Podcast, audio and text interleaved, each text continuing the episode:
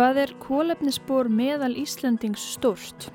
Svarið getur verið 6 tónn, 12 tónn, 22 tónn og 38 tónn.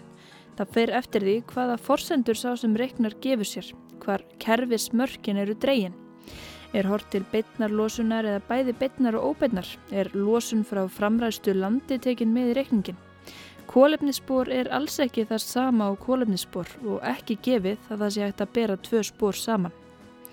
Stefán Gíslason, umhverfistjórnafræðingur og Birna Hallstóttir, umhverfisverkfræðingur hjá ráðgjafafyrirtækinu en Væronæs, er nú búin að liggja yfir Excel-skjölunum sem fjölskyldunar okkar fjórar sem taka þátt í loslastæminu fylgtu út. Akstrinum þeirra, mataræðinu og ýmsum kaupum síðastlið ár. Í þessum þriðja þætti af loslastæminu fáum við á reynd hvað hver fjölskylda losar mörg tonn af koldvísiringi út í andrusloftið á hverju ári. Við köfum líka aðeins ofan í þetta hugtak kólumnispor og reynum að fá botni hvers vegna í óskupunum Ísland er með hærra spor en flest Evrópuríki þrátt fyrir reynu orkuna. Stundum er talað um vistspor, þá er verið að hugsa um öll þau áhrif sem við höfum um umhverfið, mælt í hekturum eða fjölda jarða sem þyrti til að svala auðlindaþorst okkar.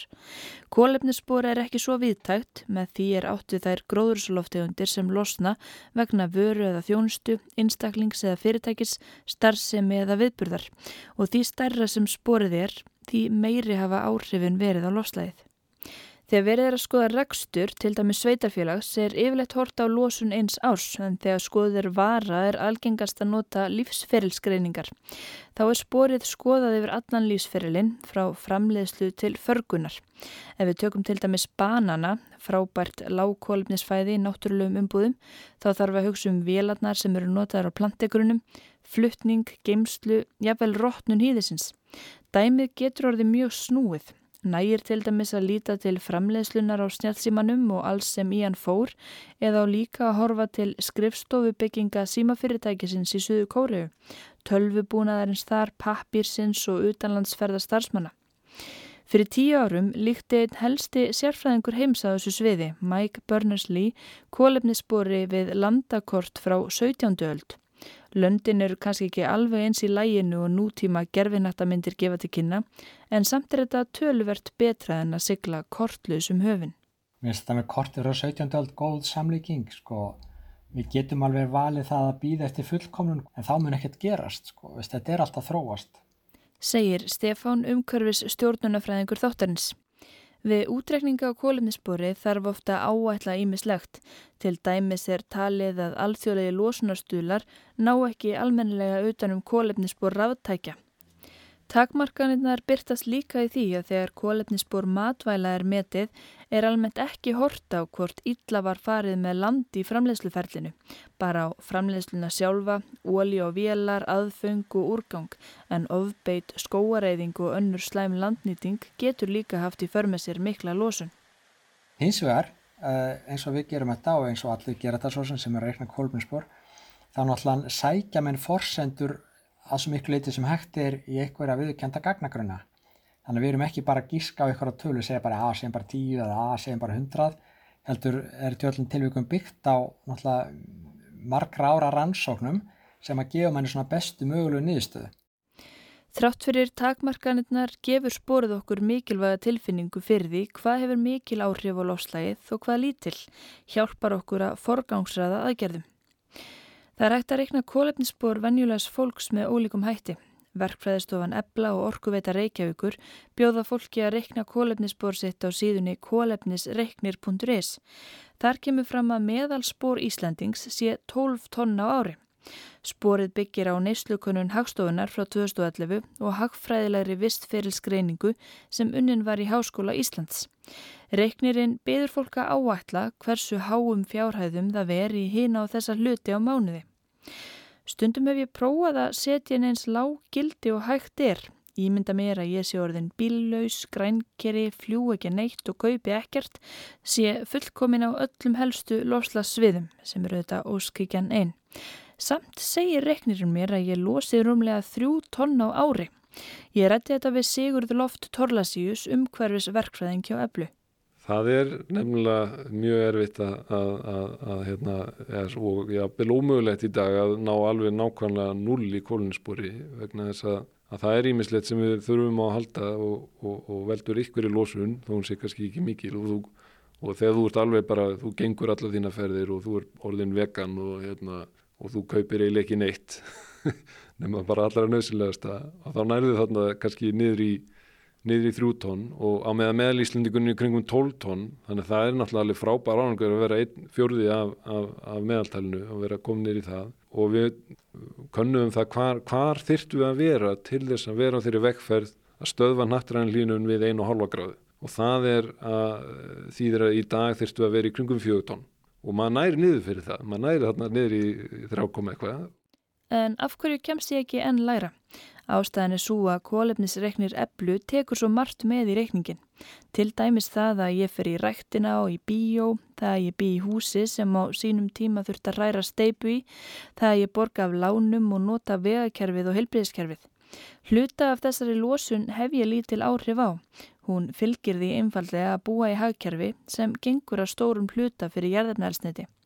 Af sömu ástæðu síndi rannsókn nokkura fræðimanna við MIT háskóla í bandaríkunum að kólefnisbor heimilislausrar mannesku sem svafi í gistiskili og borðaði í súpueldhúsi var 8,5 tonn á ári. En svo er þetta að halda áfram að lækka næstu áratug og vera komið nýri hvað var það 1,5 tonn árið 2050? Já. Það er nefnilega, já náttúrulega við þurfum að endanum að fasa út bara öllu jarðarna elsniti og losun og það á ábyrðin einmitt að einstaklingum getur vissulega gert eitthvað en, en á, og, og stýrt sín nýslu en, en á endanum verða líka framleiðinir á þessum vörum og þjónustu og, og stjórnvöld að, að draga úr lósun við framleiðslu á, á þessu öllu saman. Spór eplu er viðtækt og endurspeglar hildar neyslu okkar vel en á móti næst ekki mikil sundurliðin.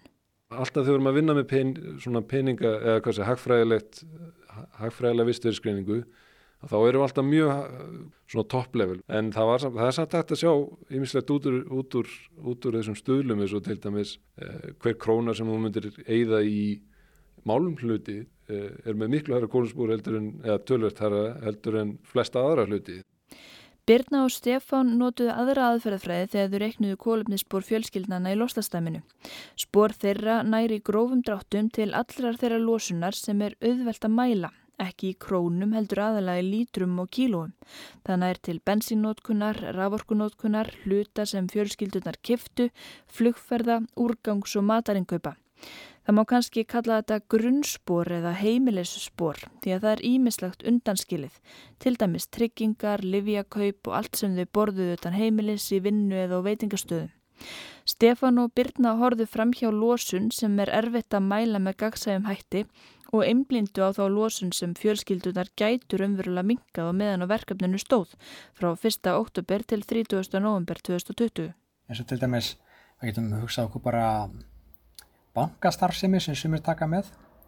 Veist hvað losna mikið við það að þú ákveður að, að taka lán í banka eða leggja inn einhverja peninga eða eitthvað slíkt að þá þarf þetta að beita fjölda áætlana og það er mjög erfitt þegar fólk spyr akkur er þetta 17?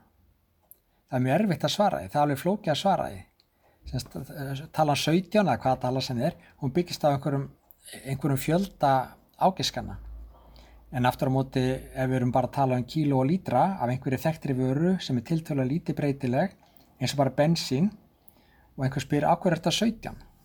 Það er mjög öll að svara því vegna þess að þegar þú brennir einu lítra bensín þá losna næstum alltaf sama magna af koldjóksiði.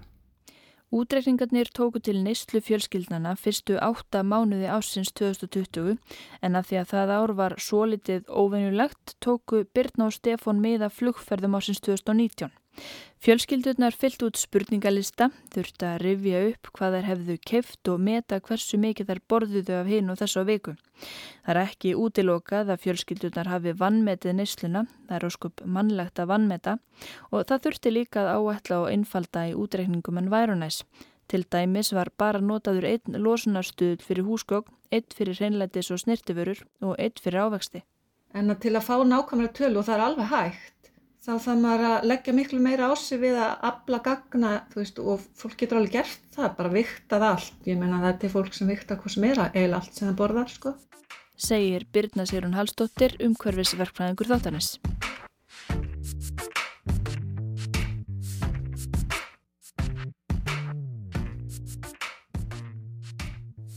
Og þá er komið að því að svifta hulunni af sporum fjölskyldnana. Við byrjum í höfuborginni, Reykjavíkur fjölskyldan samanstendur af Stellu og Kristjáni, börnum þeirra fjórum, Áslögu, Þórdísi, Unu og Baldri og tveimur köttum. Spór fjölskyldunar reyndist vera 12 tonn á ári og þó þau borði ekki kjöt, vó maturinn bísnað þungt. Sexmanna fjölskylda þarf auðvitað borðatöluvert. Lósun vegna matarins nam rétt rúmum þremur tonnum, það gerir hálft tonn á mann. Til samanburðar var áalluð áslósun á heimiliskött í fullu kjötríku fæði 100 kíló. Þauga tvo Citroen-bíla sem ganga fyrir gerðarnelsniti, rúmlega fjórðungur sporsins skrifaðast á aksturinn og svo voru flugferðirnar drúar 15 af sporinu. Reykjavíku fjölskyldan ætlar að gera þetta skipulega og ráðast á stærstu tölunar fyrst. Og ég held að yngabillin sé klárlega það sem við viljum horfa á og við hérna erum mjög spennt fyrir því að, að skipta yfir í ramaspíl og eitthvað slúðis. Við, sko, við erum náttúrulega búin þannig að, að því að litli, litli drengurinn er hjá dagmömmu þannig að við höfum ákveðið að það of flókið að, að vera að taka stræt og að hjóla eða eitthvað þangað, það er bara ómikið flækistir. Þannig að við erum, keirum þangað á engabílnum en hérna ég held að sé blasir við að skipta yfir í ramaspíl. Ég hugsa sko að því að við erum með tvo bíla þarna inni, sko annar er meiri ekki en það er stóri bílinn. Eh, þegar við erum komin á ramaspíl þá grunum við að hann muni, muni verða vinsætli í allt snatt. Ég held að það sé líka reynslan sko, ef, ef að dregnin takmarkar mann ekki eða plássið eða eitthvað annað að þá er þetta náttúrulega bara sko þælir í bíl og, og muni ódýrar í rekstri þannig að það er, það er alls konar kvatar í því að nota hann frekar. Svo er eitt sem er frábært við hérna ramaspíl þegar maður býr hérna meðsvæðis í Reykjavík og það er að það sé ókeipis í stæði og maður stillir bara klökku það er algjör snild sko.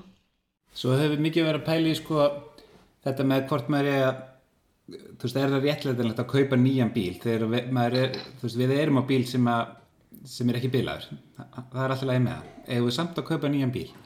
En þá hérna dætt mér náttúrulega snellraði hög hvað ef ég kaupi bara notaðan bíl sem er hvað sem er einhverstar á bílasölu þá þarf mér ekkert að hugsa svo mikið um það. Framleiðsluspor rafbíla er að jafnaði næstum tvöfald stærra en framleiðsluspor bensínbíla. Birna og Stefán dreifa þessu spori yfir heildar líftíma bílsins og þar sem Reykjavíkur fjölskyldan kefti notaðan bíl skrifast minni hluti framleiðslusporsins á þau Stellu og Kristján. En hvað verður um gamla dísilbílinn? Líklega fær hann nýjan eiganda sem að kannski keirir hann meira en hlýðafjölskyldan gerði. Kólefnisspor fjölskyldunar mingar en það er ekki víst að heldar losunin gerða. Loftslæginu er alveg sama um útreikninga og kerfismörk það eina sem skiptir það máli er uppsapnaður styrkur kóltvísýrings í andrusloftinu. Framtak fjölskyldunar í hlýðunum er frábært og sniðugt að kaupa notaðan bíl Orkuskiptin eru mikilvæg, það þarf að skipta sem flestum engabílum út fyrir reynorkubíla en nýleg úttækt sem vísindamenn við Háskóla Íslands og Háskólinni Reykjavík unnu fyrir borgina bendir til þess að orkuskiptin nægi ekki einu sér til að bílnótkun verði í takt við markmið Parísasamkomlagsins árið 2030. Sviðsmyndir gerir ráðferði í að samhliða orkuskiptum þurfi bílnótkun í borginni að minga um 15 til 50%. Lausnin fælst að hluta í rafbílaveðingu en líka í því að fækka ferðum á engabíl, taka strætó, lappa, hjóla eða svífa um á rafskútunum. Á eftir akstrinum var maturinn næsti stóri póstur í lostarsbókaldi fjölskyldunar. Þá er þetta mjölkuvörunar. Er, þetta er ís og ostur. Og þetta er osturinn maður, rjóminn. Já, gráðosturinn. Sko þetta er náttúrulega alltaf þannig sko sem að það er náttúrulega alltaf á baku eira líka að maður náttúrulega er alltaf að reyna að finna eitthvað jafnvægi sko á milli þess að draga á neikvæðum áhrifin sínum á loslæðið og að svona viðhalda samt einhverju svona lífsánægi sko sem að sækist eftir auðvitað getur maður stundum sko skiptum ánægi valda en ef að fólk getur ekki lifa hans að fá gráða sko þá hérna veist þá á kannski ekki að taka það af, af manni sko svo náttúrulega er, eru kannski tækjafæri þannig að það fer eftir smekk og, og vöruvalið það er kannski tækifæri til að skipta út einhverjum hlut af sem fyrir júrtamjólkur vörur, ég veit ekki alveg. Það sem ég ætlaði að stinga upp að var að hvað ef við kaupa þetta stelu bara sögðaost? Ég hugsa að sé að nokkur en alveg jafn slemt. Svínaostur, maður hefur aldrei heyrt um það. Ef við erum byrjað þessu sko, þá náttúrulega geta menn alveg skipti yfir í sko kaplamjólk. Það þótti afskaplega hilsusamleitt í kannóta. Hross eru ekki jórtudýr Já, ég segi nú eiginlega fyrir mitt liti, ég vil freka prófa veganost heldur en kaplaost. Við verðum farin að senda eftir einhverjum söðnaut ásti á Grænlandi. Já, gugsaosti. Já, við erum komin út í byllandi nýsköpun í landbúnaði. Það kom Reykjavíkur fjölskyldunni á óvart að streymis áhor fjölskyldunar skildi hafa vegið þingra en sigling út í flati og breyðaferði í sumar. En það var samt ekkert voðalega stort, 55 kíló af koldusirinsíkildum eða álíka mikið og öll rámasnótkun heimilisins. Nýlega rannsökuðu vísindamenn við University of East London kólefnisbór þessa lags sem hefur spilað um það byl einu sinni fyrir hvern jarðabúa. Rámagnið sem fór í að spila hittarann var meira en sameiginlega rámasnótkun Afrikulandana Tjad, Gíneu-Bissá, Sómalíu, Sierra Leone og mið Afrikulíðildisins yfir heilt ár.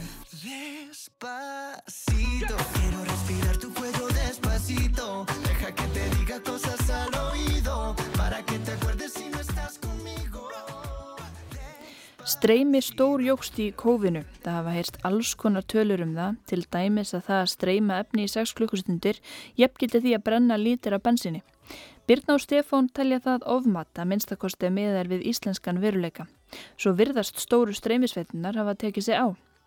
Interneti er talið ábyrgt fyrir um 3% losunar á heimsvísu. Er öll nótkun okkar á internetinu hefur í förmið sér einhverja losun, mismikla eftir hvaða síður við heimsækjum og hvar þar eru hýstar.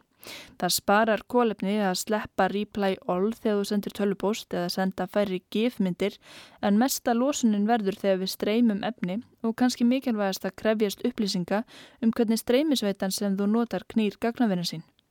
Sum fyrirtæki segjast aðalega að nota græn gagnaver, Netflix og fleiri segjast kólefnisjafna órunu gagnaverin sín með því að fjárfesta í grænni orku annar staðar. Við veltuði líka fyrir okkur hvort efnið væri geimt hér eða ekki. Það er allur gangur á því.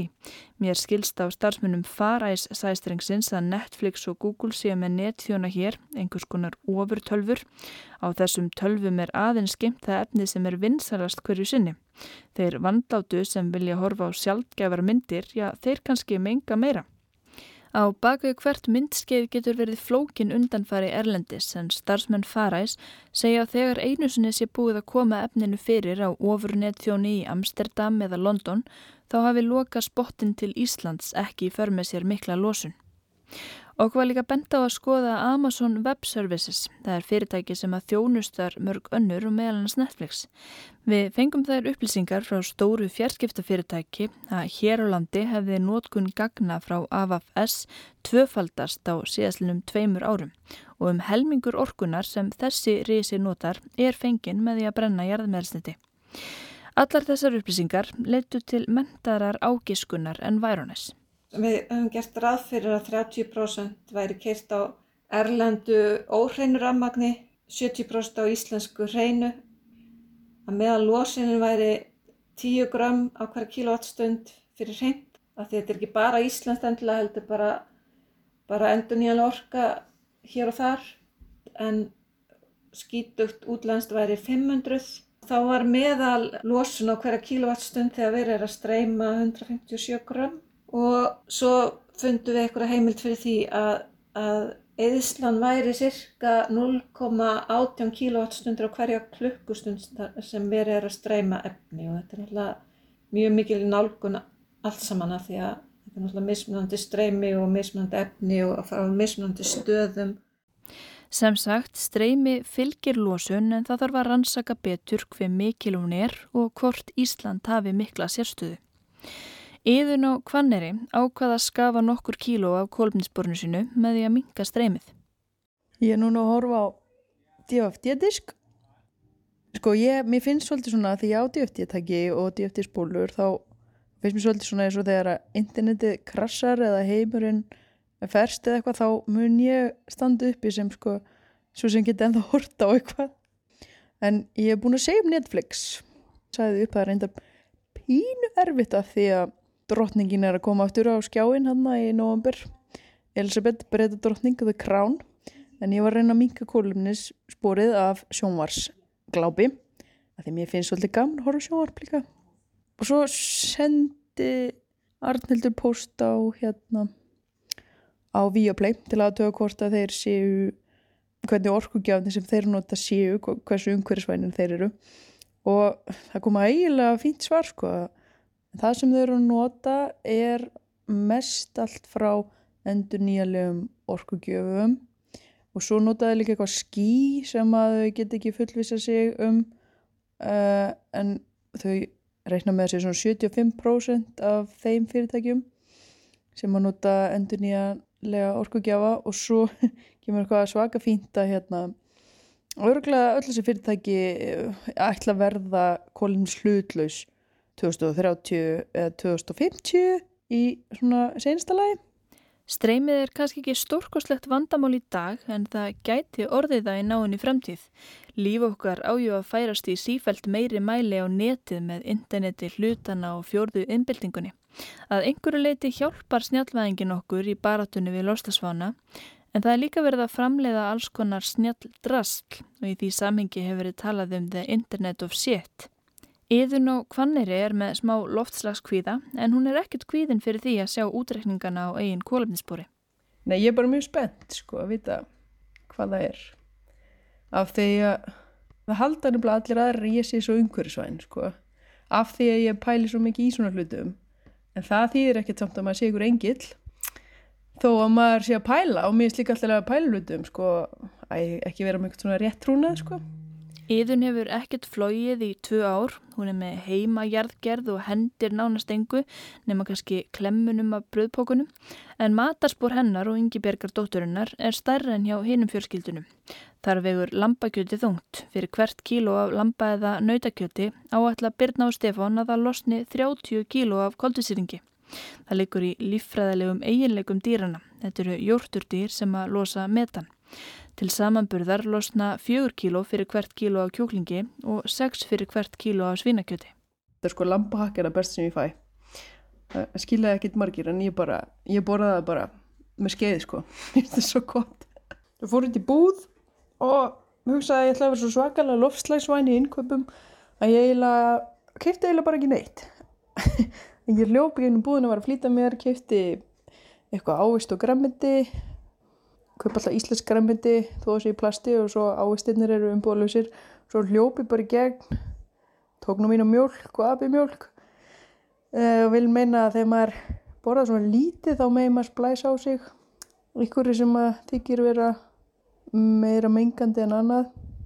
Svo kannski, já, mín leið kannski líka bara að, borða lítið leifa sér meira. En þetta var nú óvastand sko, ég ætlaði nú eitthvað mat en Þetta lítur að duða bara. Þannig að neyslan. Jú, það var kannski það sem ég var svo spenntist fyrir að skoða og reyna að breyta. Að því að sko, ég geti sjálfsagt gert kannski eitthvað í bílnum en það þýðir líka kannski svolítið einangrun. því að nú aðalega nota bílinni að kannski hitta fólk.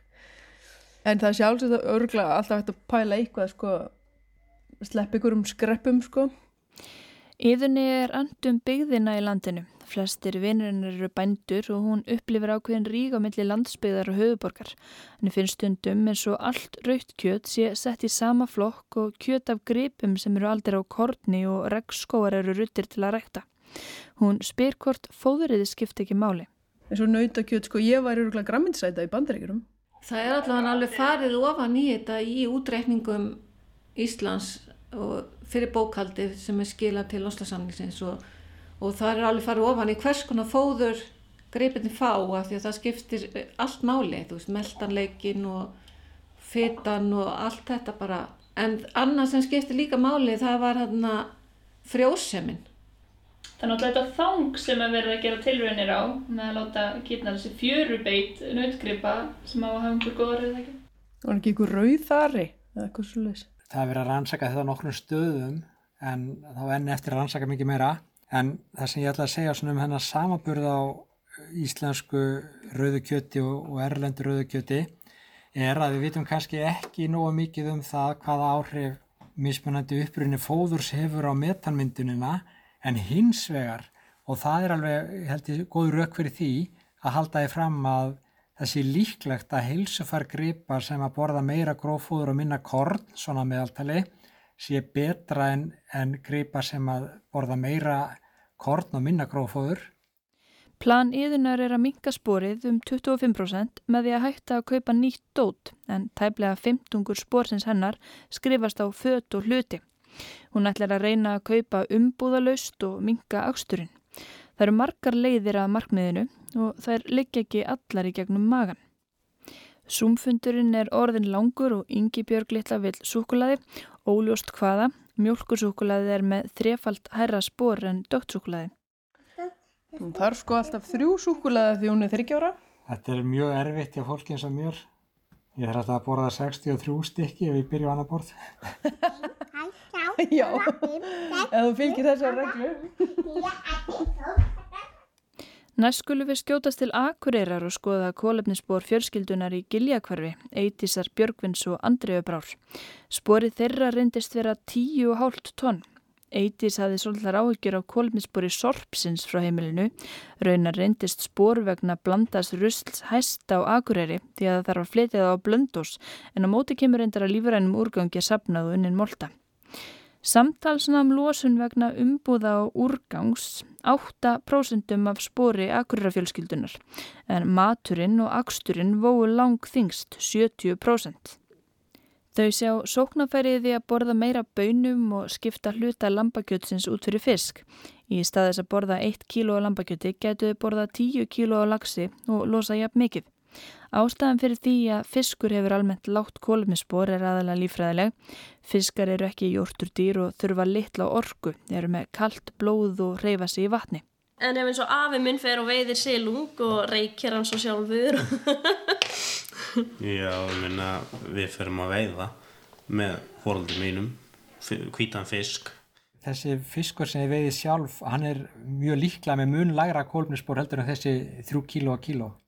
Eitís og Björgvin luma á fleiri tryggsum þegar kemur á matarsporunu. Hluti lambakjötsins sem þau borða er nefnilega ekki lambakjött heldur ærhakk og innmatur. Foreldrar Björgvins slátra heima einmitt til að geta nýtt innmatin því sláturhúsið sendir bara kjötið tilbaka, hendir innmatnum.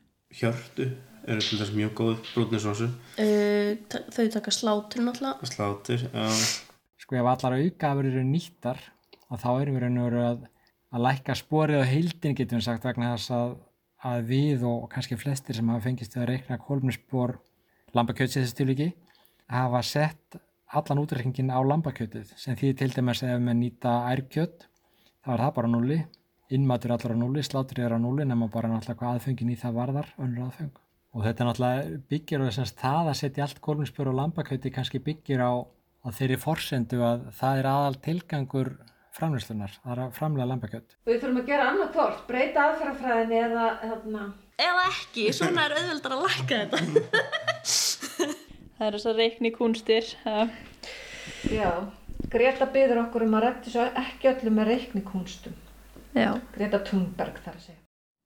Það væri samt kannski ekki úr vegi að breyta aðferðafræðinni þannig að betri nýting afurða, ullar, hortna, beina og innmatar mingi heildarsporið. Eitís og Björgvin komust líka að því að bjór er talsvert betri fyrir loftslægið en vín. Þið mægndi bara í brökkhúsi með eigið ílátt. Bjórin getur náttúrulega flatur sko að maður þurfa að opna oft. Hvað gerir maður ekki fyrir kólefnissporið? Þriðjungur sporsins skrifa svo á skótan þeirra.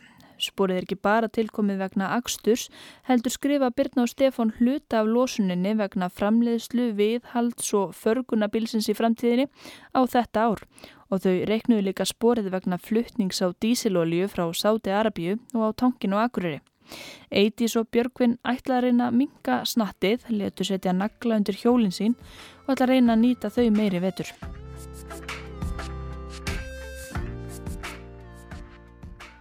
Næst likur leiðin í Hafnafjörðin til Elsu Sveinbjörns og Byrtu, 24 dóttur þeirra, sem skráði fjölskylduna til leiks án þess að foreldrarnir hefðum það hugmynd. á móti 56%. Það er landkrúsirinn, það er bara hannig. Ég var einmitt að stinga upp á því, við erum ekki alveg til að nota Hyundai bílinn sem svona aðal og krúsirinn myndi bara vera auka. Það er þess að ferði norður alltaf sko, þú veist, þegar maður er að fara hérna Já. við hjólum alla skrattans ég var að mitt hjóla vinnuna í morgun fór að hlaupa og svo hjólaði upp í búð með bakboka og þannig að ég fer ég snert ekki hérna bíl sko en þetta er náttúrulega gerist þegar maður er með jörð hinum er í landinu sko Þau giskuðu á það í umsókninni sinni að þau væru með stærra kólefnisspor en meðal fjölskylda á Íslandi og þau reyndust vera með stærsta sporið í verkefninu, 18,7 tonn á ári. Þar af skrifiðust tæp 10 tonn á bílana 2, næst á eftir kom matarsporið. Þau í hafnafyrinum eru búin að vera að prófa sig áfram með ymsar veganvörur, drekka til dæmis bara jurtamjólk, heiðu sem er framleitt hér úr innfluttum þurrefnum. Með því að skipta mjölk og mjölkurvörum út fyrir jurtamjölk og jurtamjölkurvörur má almennt helminga sporið af þessum vörum. Þó þau borðeginnum á við tvær kótalettusneiðar á viku, þá vegur það þungt. en að maður sko maður myndur að lifa einhverju rúpu og, og gæs hérna einhver tíma er það sami stöðul og kjúklinga Það er erfið spurning, sko. ég vissi það þess að tók ég hana Sko ef maður leifir á viltum dýrum að þá getur maður kannski haldið fram að sko þau séu þess að þau séu bara hluta náttúrunni. En þá þyrfti maður hugsanlega hins að reikna út sko kólmnisspor þess að sækja bráðina. Nefn að vera að reikna kólmnisspor svona vöru einnar og sér þá myndi maður allavega að reyna að skoða eitthvað sko hvaða neysla fylgir því að sækja þessa vöru. Taka inn í hérna skotfæri eða ég veit ekki hvað sko. Við höfum verið að skoða kólefnisspor á hvert kíló af maturu. Stefán bendir á að þyngdu matarins sé ekki það eina sem er verðt að skoða. Ef við byrjum saman lambakjött og gúrku þá hefur gúrkan mikla yfirbörði í kólfsporinu á hvert kíló en ef þú fer tekur þetta á hittæningu að þá er munun orðin eitthvað lítið sko. Danska hugveitan Concito hefur skoðað kólefnisspor út frá hitæningum. Kartöblur, havragrjón, netur, bönir og pasta eru meðal þess sem kemur best út, bæði seðjandi og með látt kólefnisspor. Á hinumendanum er lamba og nautakjötið en það sem kemur allra verst út þegar reiknaður út frá hitæningum eru ávakstir sem fluttir eru inn með flugi. Yfirleitt verður mesta losunin við framleiðslu og hlutum og matvælum, skipaflutningar vega lítið í heldarsporinu, en þegar vöru með látt framleiðsluspor er flóið heimsvarn á milli, þá munar um það. Kanski eru sóknafæri því að rækta meira af bláberjum hér. Þriðja stærsta talan í losunarbókaldi Hafnafjörðafjölskyldunar reyndist vera tilkomin vegna utanlandsferða. Birna og Stefán miðuðu við flug fjölskyldunar árið 2019. Ég bjóð samt við að það myndi vera meira, ég held að það væri meiri koltíðislósun, efust. Sko flýir ekki svona yfirgnæfandi hluti eins og margir kannski halda. Kannski rétt að taka fram að þetta er mjög flókið að reikna kólbunspor flugferðar. Við höfum þar notað bara reiknivél alþjóða flugmálastofnunarinnar eða ICAO. þar sem að getur slegið nánast hvaða flugvill í heiminu sem er. Þar, þar með talið bæði Frankfurt, New York og Grímsey. Höfum fengið upplýsingar um reiknaða losun á nánast hvaða flugleið sem er sem byggir á mjög stórum gagnagrunni. Það sem meðlans búið að taka inn í reikningin hvaða flugveilur notar á þessari flugleið og hversu margir farþegar eru meðaltali hverju ferð. Stefán skýtur á að ein utalansferð einnar mannesku fram og tilbaka losum 300 til 600 kíló. Vísindamenn er ekki alveg sammálað um kólefnisspor flugsins. Birna og Stefán stuttust við reiknivél alþjóða flugmálastofnunarinnar en það er bara tekið til í til losunar sem verður vegna bruna flugvéla eldsnittisins sjálfs. En loftslags áhrif flugsins eru meiri. Það hefur meiri áhrif að brenna eldsniti svona hátt upp í loftjóknum en á jörðunniðri og svo losna í mis önnur efni sem stuðla hlínun. Sumir telja að því ljósi þessa eigi að markvalda eldsneitissporið með tveimur og aðrir vilja markvalda það með fjórum. Flugið er svolítið sérstakt þegar hort er á kólefnisspor einstaklinga vegur það ansið þungt en á heimsvísu er það bara ábyrst fyrir um 2% losunar, áreindar að fara ört vaksandi.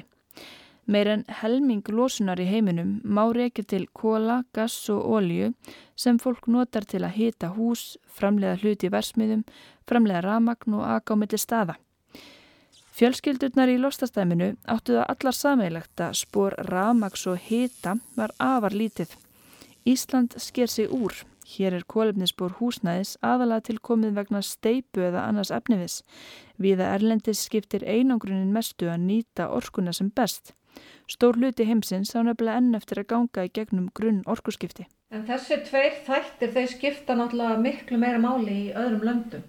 Þetta er algjör lúksus hjá okkur eins og þeir verum búin að reikna saman í þessu tiltekna dæmi alla orkunótkun á heimilinu sem stýtar að magn og svo líka gas sem er notað á grillið og eitthvað slíkt. Við erum komin í 1% af, af hildar losuninni. Við höfum ekki alveg sagt skilið við kólefnisbors umræðuna og losun Íslands. Alþjóðabankin horfir bara á koldfísýringin og segir 6 tonn á hvern Íslanding. Eurostat segir 17,5 að við séum með þriðja stærsta sporið í Evrópu. Þar er alþjóðaflugið haft með. Ef við horfum á bókald umhverjastofnunar og deilum með íbúafjöldanum fáum við 12 tonn og ef við bætum losun frá framræstu votlendi við fáum við 38. Ef við myndum líka bæta við losum frá ítla förnum mólendi er þið talan ennhæri. Þegar talað er um kólefnisspor eða hildar losun Íslands er yfirleitt átt við svo kallað framleiðslu spor. Það er losunin sem á sér stað innan landamæri okkar og lögsögu. Þetta er sporið sem að hort er til í alþjóðlegum skuldbendingum, sporið sem að stjórnveld hér geta haft mest áhrif á. Ef við deilum þessu spori með íbúum landsins þá er hvert og eitt okkar allt í unorði ábyrgt fyrir hluta spori fiskiskipaflótans og álsins sem er flutt úr landi en spor nýja sofasetsins úr IKEA og jakkafatana og and Jones regnast ekki með. Það spor regnast í framleiðslulandinu. Þetta er megin ástæðan fyrir því að Kína og Indland tróna á toppnum yfir ríki sem losa mest. Framleiðslusporið hendar ekkert sérstaklega vel til að skoða kólefnissporina almennu neytenda sem að hafa aldrei verið með puttan í álframleiðslu en kaupa hins vega fullt af dótað utan. Til að fá raunsanari mynd af áhrifum okkur á heimsvísu má horfa á svo kallað neyslutrifið kólefnisspor. Ef það er skoðað blasir við ný heimsmynd, spor framleiðsluríkja reynst bara að vera brot af spori vestræðnaríkja því upp til hópa eru það ekki íbúar þessara ríkja sem kaupa vörurnar sem eru framleitarðar heldur við. Það er engum í þessu neysluspori sem við á Íslandi náum á einhvern undraverðan hátt að slá þjóðum sem hita með kólum og gasi við. Jukka Hænonen, profesor við Háskóla Íslands og fleiri, rannsökuð árið 2017 neysludreifið spór Íslands og byggðu meðal annars á neyslukonun hástofunar frá 2011. Niðurstaðan var svo að 71% af losun íslenskra heimila var til utan landsteinana. Neysluspor meðal Íslandings reyndist vera með því stærsta sem gerist, 22 tonn. Bandaríkin voru með 30 en Danir og Norðmenn bara 15. Skrifast þetta einfallega á neyslu brjálaði okkar Íslandinga eða spilar fleira inni? Það er óljóst. Í svari umhverfstofnunar var minnst á langar fjarlæðir og erfið veðurskilirði. Við keirum mikið á yngabílum og almenningssamgöngur eru vannþróaðar en í mörgum nágrannlóndakar. Við erum háðari innflutningi en mörg stærri ríki. Við hendum meiru. Jökka Hænunen segir að við fljúum mikið, sérstaklega höfuborgarbúar, ekki bara því við búum á eigu að einhverju leiti megi líka skrifa neyslusporið okkar á hvað við séum rík. Ríkidæmi fylgi neysla og neyslu fylgi lósun. Niðurstöður Jökka og félaga bendur til þess að stærstu sóknarfæri íslenskra heimila fælust í því að minka útblástur vegna samganguna og innflutt svarnings. Við getum sagt að nokkur stór óljufyrirtæki beri markvallt meiri ábyrð en vennjulegt fólk. Líklega er það satt, en með neysludryfnu aðferðfræðinni má skrifa um 60% losunar á almenna neytendur. Þá má líka snúa þess á haus. Þetta snýst allt um kerfismörk, en markmið allra þessara útreikninga er það sama að skilja umfang losunarinnar, fá yfirsýn. Kannisti við mannin sem fór alltaf á jeppa át í búð en fekk svo ræðilegt yfir því að gleima fjölnótapokanum heima. Nú eða konuna sem var miður sín yfir því að hafa tekið ómarkar brefþurkur á salerni flugvilar. Stundum festumst við í litlu lutunum því hverstagslega sem hönd á festir. Að þekkja kólefnissporið getur hjálpað okkur að greina stóru hlutina frá þeim litlu, nýta orkuna sem best og minga sporið með skilvirkum hætti. Við sjáum að það skilar mestum árangri að endur skoða mataræðið, aksturinn og flugið. Um 10% losunarinnar mátti skrifa á umbúðir og úrgang og um 20% á ýmsar vörur sem voru kipta til heimilisins. Svo skipti máli að nýta mat og hluti betur, kaupa minna. Við þurfum lítið að spá í rafmagsborið og ættum að njóta þessi botnafari langar sturtur. Það er arleð síðustu orkuskipta. Það má kynna sér kólefnisspór fjölskyldnana betur, losunastuðla fyrir mismunandi vörur og ímisgröf og ítarefni inn á rúf.is skástrygg loslastæmið. Loslastæmið er í spilararúf á Spotify og öðrum hlaðvarsveitum. Í næstu viku ræða fjölskyldurnar fjórar við sjálfbærnir aðgjafa og fá góð ráð. Það getur nefnilega tekið á að synda á móti strömmum.